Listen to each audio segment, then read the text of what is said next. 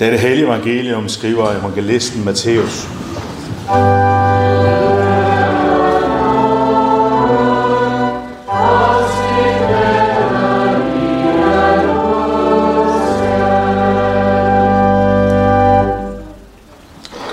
Mange vil den dag sige til mig, Herre, Herre, har vi ikke profeteret i dit navn?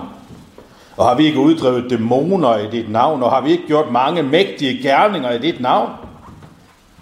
Og der vil jeg sige til dem, som det er. Jeg har aldrig kendt jer. Bort fra mig, I, som begår lovbrud. Derfor, en hver, som hører disse ord og handler efter dem, skal ligne en klog mand, der har bygget sit hus på klippen. Og skybruddet kom, og floderne steg, og stormene suste og ramte det hus. Men det faldt ikke, for dets grund var lagt på klippen.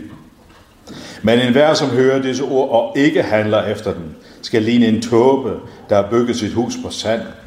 Og skybruddet kom, og floderne steg, og stormene suste og slog imod det hus, og det faldt, og dets fald var stort. Da Jesus var færdig med denne tale, var skarne slået af forundring over hans lærer, for han underviste dem som en, der har myndighed, og ikke som deres skriftkloge. Hellige far, dit ord er sandhed. Hellig os i sandheden. Amen.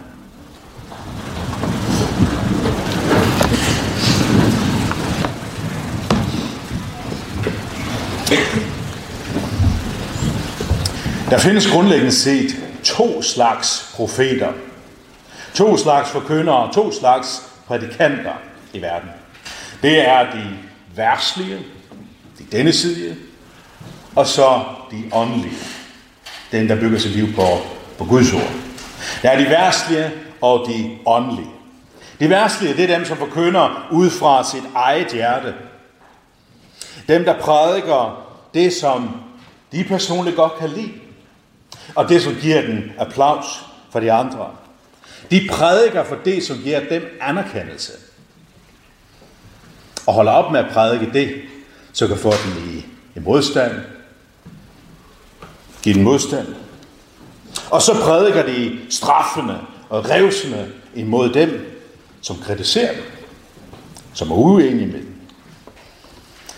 Det er nemt. Det er egentlig nemt at udpege nogle af dem i, i vores tid i dag. Og det er ikke fordi, vi skal sætte en masse navne på personer, men tænk bare på biskopper. Biskopper i vores samfund, som er sat til at være nogle særlige ledere i kirken, i folkekirken. Biskopper, som promoverer et hvilesesritual, som er i direkte modstrid imod Bibelens budskab.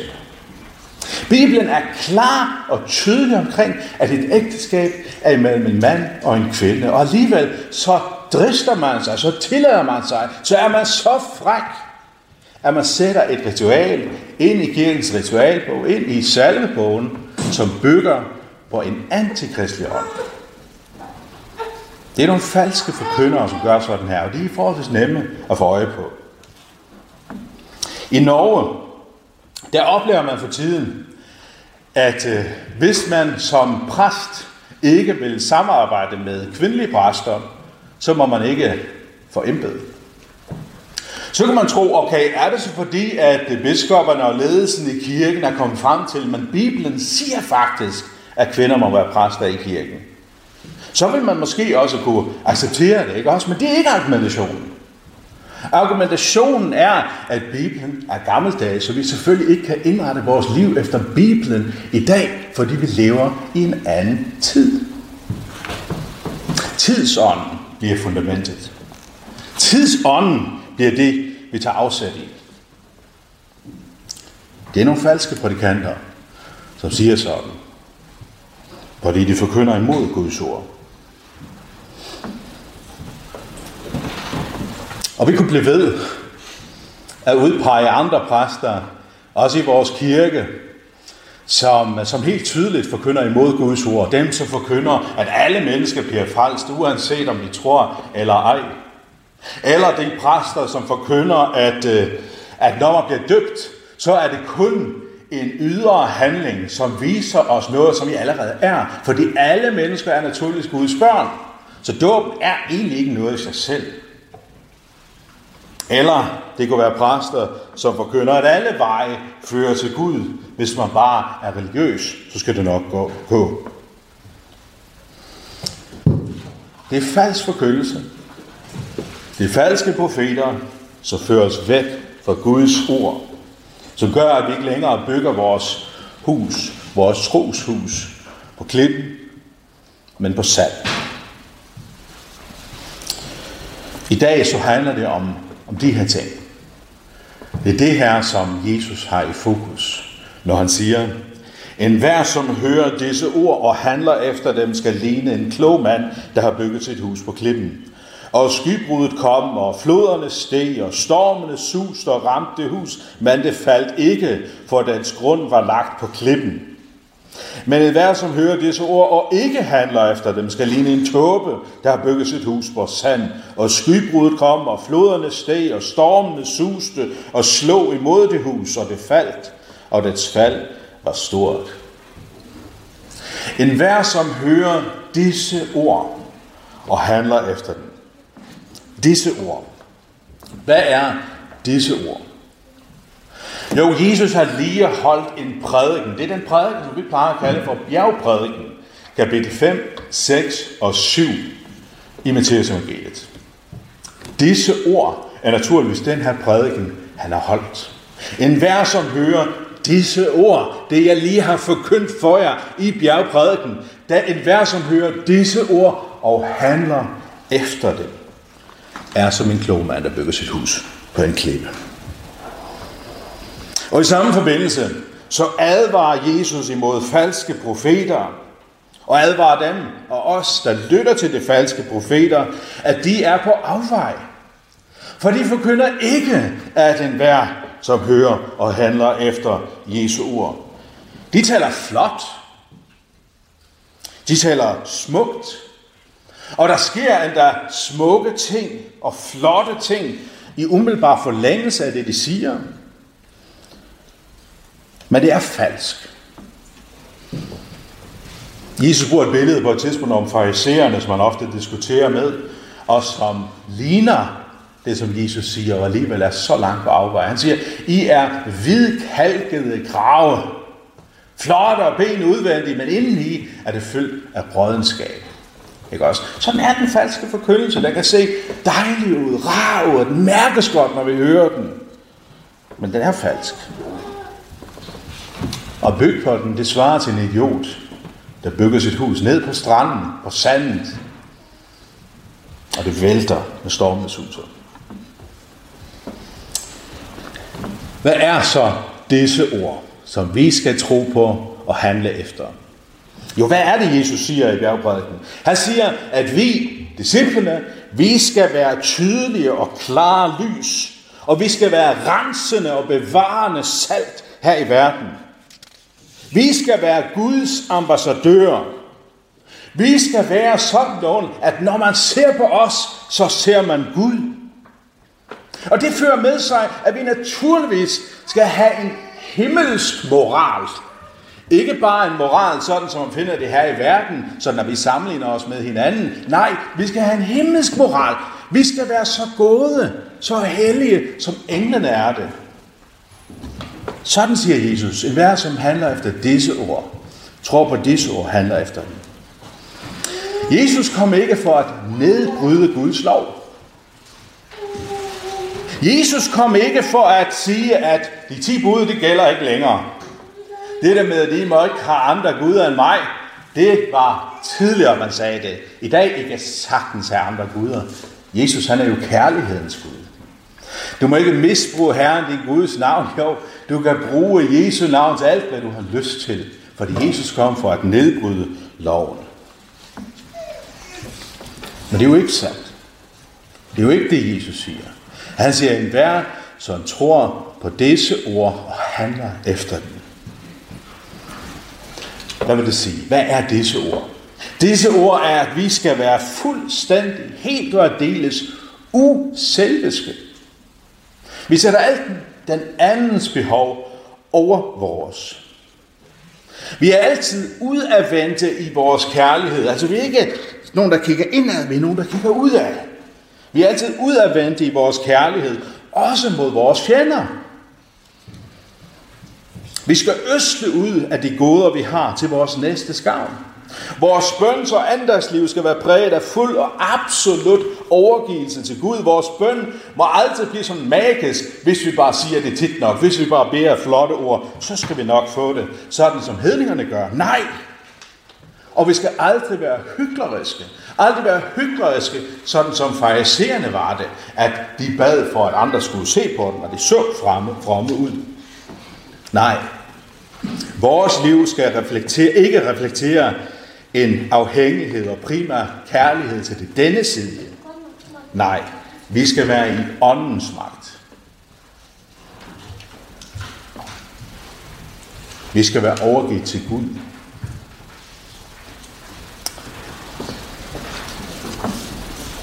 Derfor er vores liv ikke præget af afgudstyrkelse og bekymringer, for Jesus er vores alt. Eller for at sætte det på spidsen, sådan som Jesus også gør. I skal være fuldkommende, som jeres himmelske far er fuldkommen. I skal være perfekte. Vi skal være perfekte, som Gud er det. Vi skal være Guds lys og salt. Vi skal være fuldstændig, absolut rene, hellige, retfærdige, gode, kærlige, som Gud er det. Det er det, som Jesus siger. Sådan er vi kaldet til at være Guds lys og åndens salt i verden. De falske profeter, de falske forkyndere, de kommer og prædiker et anderledes budskab. Og de under, underbygger deres budskab med flotte retoriske taler, med smuk musik, måske med mirakler og meget af samme slags. Og nogle af dem, de siger, og deres grundlæggende budskab er, at Jesus jo kom netop for at nedbryde loven. Loven gælder ikke længere, siger de. Vi skal bare gøre lige, hvad vi har lyst til. Du skal bare gøre det, som føles rigtigt for dig. Du skal følge dit eget hjerte. Og det fører til alle mulige ting, også som jeg nævnte her i begyndelsen af prædiken, at man åbner op for noget, som er i direkte modstrid mod Guds ord, fordi man siger, det hører en anden tid til. Jesus kom jo for at nedbryde loven. Og så på den anden side, så har vi dem, som siger, nej, han kom ikke for at nedbryde loven, men han kom sådan for at fortælle os, hvad er det egentlig, loven handler om. Det handler om intentionen. Det handler om, hvis vi bare vil nok, hvis vi bare er ihærdige nok, så skal vi nok kunne klare den. Selvfølgelig kan vi ikke blive fuldkommende, det er der ingen, der kan. Men hvis vi bare prøver, hvis vi bare prøver at være ihærdige, være ihærdige, så skal vi nok klare den. Og så er der de sande forkyndere, de sande profeter, dem som fastholder Jesu budskab om, at vi skal være fuldkommende. Så vores himmelske far er fuldkommen. Men samtidig holder I hærdigt fast i budskabet om, at Jesus kom for at opfylde loven. Jesus kom for at opfylde loven, ikke jeg. Jesus kom for at opfylde loven, ikke dig. Jesus kom for at gøre det. Jesus kom for at være den, som var absolut ren og retfærdig. Jesus var den, som kom for at være verdens lys og verdens salt, sådan fuld, helt og aldeles. Jesus kom som den absolute ambassadør for Gud. Jesus kom som ham, der overholdt hele Guds bud. Alle Guds bud. Jesus kom og gjorde det. Jesus kom for at overholde hele Guds bud. Jesus kom som den, der hører Guds ord og handler efter den til fuldstændig perfektion. Han kom for at gøre det. Han kom for at gøre det. Hvorfor? I stedet for os. I stedet for os. Derfor, vores grundlæggende frelse handler faktisk ikke om, at vi sådan formåede at gøre sådan som den kloge mand. At vi virkelig til punkt og prikke formåede at overholde det. Nej, det som bjergprædiken viser os, det er, hvis vi skal være helt ærlige, at det kan vi aldrig leve op til. Men det er ikke det samme som at sige, at Jesus kom for at nedbryde loven. Det betyder ikke noget længere. Nej, Guds lov står fuldstændig fast. Problemet er bare, at vi kan ikke overholde den. Betyder det så, at vi skal bare give op og ikke gøre det? Nej. Men det viser os, at vi har i den grad brug for en, der, der træder ind, der gør noget for os. Fordi der er ingen ufuldkommen, der er ingen sønder, som kan bestå i Guds rige. Og derfor er det så vigtigt, at forkyndere i dag holder fast i Guds ord. Ikke gør det sådan overkommeligt. Og ikke sige, at det ikke har betydning. Og ikke sige, at tidsånden er vigtigere. Men at forkyndere holder fast i Guds ord. Også, også i det, som gør ondt. Også i det, som virker fuldstændig uoverskueligt. Hvorfor? Hvorfor? For det er lige præcis det, at det, som viser os, at vi har brug for Jesus. Hvad er det grundlæggende problem med de falske forkyndere, som så tvivl om Bibelen eller benægter dens troværdighed? Jo, at de fjerner behovet for Jesus. De fjerner behovet for en frelser. Det fjerner behovet for, at der er en, der kom for at gøre tingene i mit sted. Kan I huske den her beretning, hvor Jesus spørger sine disciple, hvem siger folk omkring, at jeg er? Og de svarer, der er nogen, der siger, du er Johannes Døber. Andre siger, at du er Elias, som skulle komme, eller Jeremias, eller en af de andre profeter. Og så vender Jesus sig sådan direkte hen til dem. Hvem siger I, at jeg er? Og så siger Peter, du er Kristus, den levende Guds søn. Jeg så huske, hvad Jesus siger i forlængelse af det? Han siger, du, Simon, du skal kaldes Peter. Peter, som betyder klippe. Du skal kaldes Peter, for på den klippe vil jeg bygge min kirke. På klippen skal huset stå. Hvad er den klippe? Der er nogle, som tror, at den klippe det er Peter, for Peter hedder jo klippen. Peter hedder jo klippen, som Jesus sagde. Altså må Peter være klippen. Det er noget af fundamentet for for eksempel den katolske kirke. At paven, som er Peters efterfølger, er det, som er samlingspunktet og det væsentlige. Men så det er ikke det, Jesus siger. Når han siger, at den klippe, så er det selvfølgelig ikke Peter, der er klippen. Hvorfor i alverden skulle Peter være klippen? Det hænger jo ikke sammen. Nej, på den klippe, hvad er den klippe? Det er det, som Peter bekender. Du er Kristus, den levende Guds søn. Du er den, som har gjort det i stedet for os. Du er den, vi har brug for. Se, når Jesus slutter bjergprædiken af, som han siger, den her bjergprædiken, som handler om, at vi skal være absolut fuldkommende, og vores retfærdighed skal overgå fariserernes. Nej, vi skal være langt mere hellige. Når Jesus afslutter den og siger, en hver som hører disse ord og handler efter dem, så siger han det ikke fordi, at han siger til sine disciple, kom nu, kom i gang, altså en pep talk. I kan godt, kom nu bare. I kan sagtens finde ud af det. Nej, for de står fuldstændig magtesløse efter det her. Det, som de står tilbage ved, det er en dyb, dyb afhængighed af Jesus. En dyb afhængighed af bekendelsen. Du er Kristus, den levende Guds søn. Du er vejen ind i Guds rige. Se, det er det, som de sande forkyndere prædiker. Fordi det er budskabet, som er i overensstemmelse med Bibelen. Og det er jeg virkelig glad for, at den forkyndelse finder sted. For det er den, der som gør, at jeg kan hvile hos Gud. Fordi det handler ikke om mig. Det handler ikke om min dulighed. Det handler ene, ene og alene om Jesus. Det han har gjort, det han gør, og hvem han er.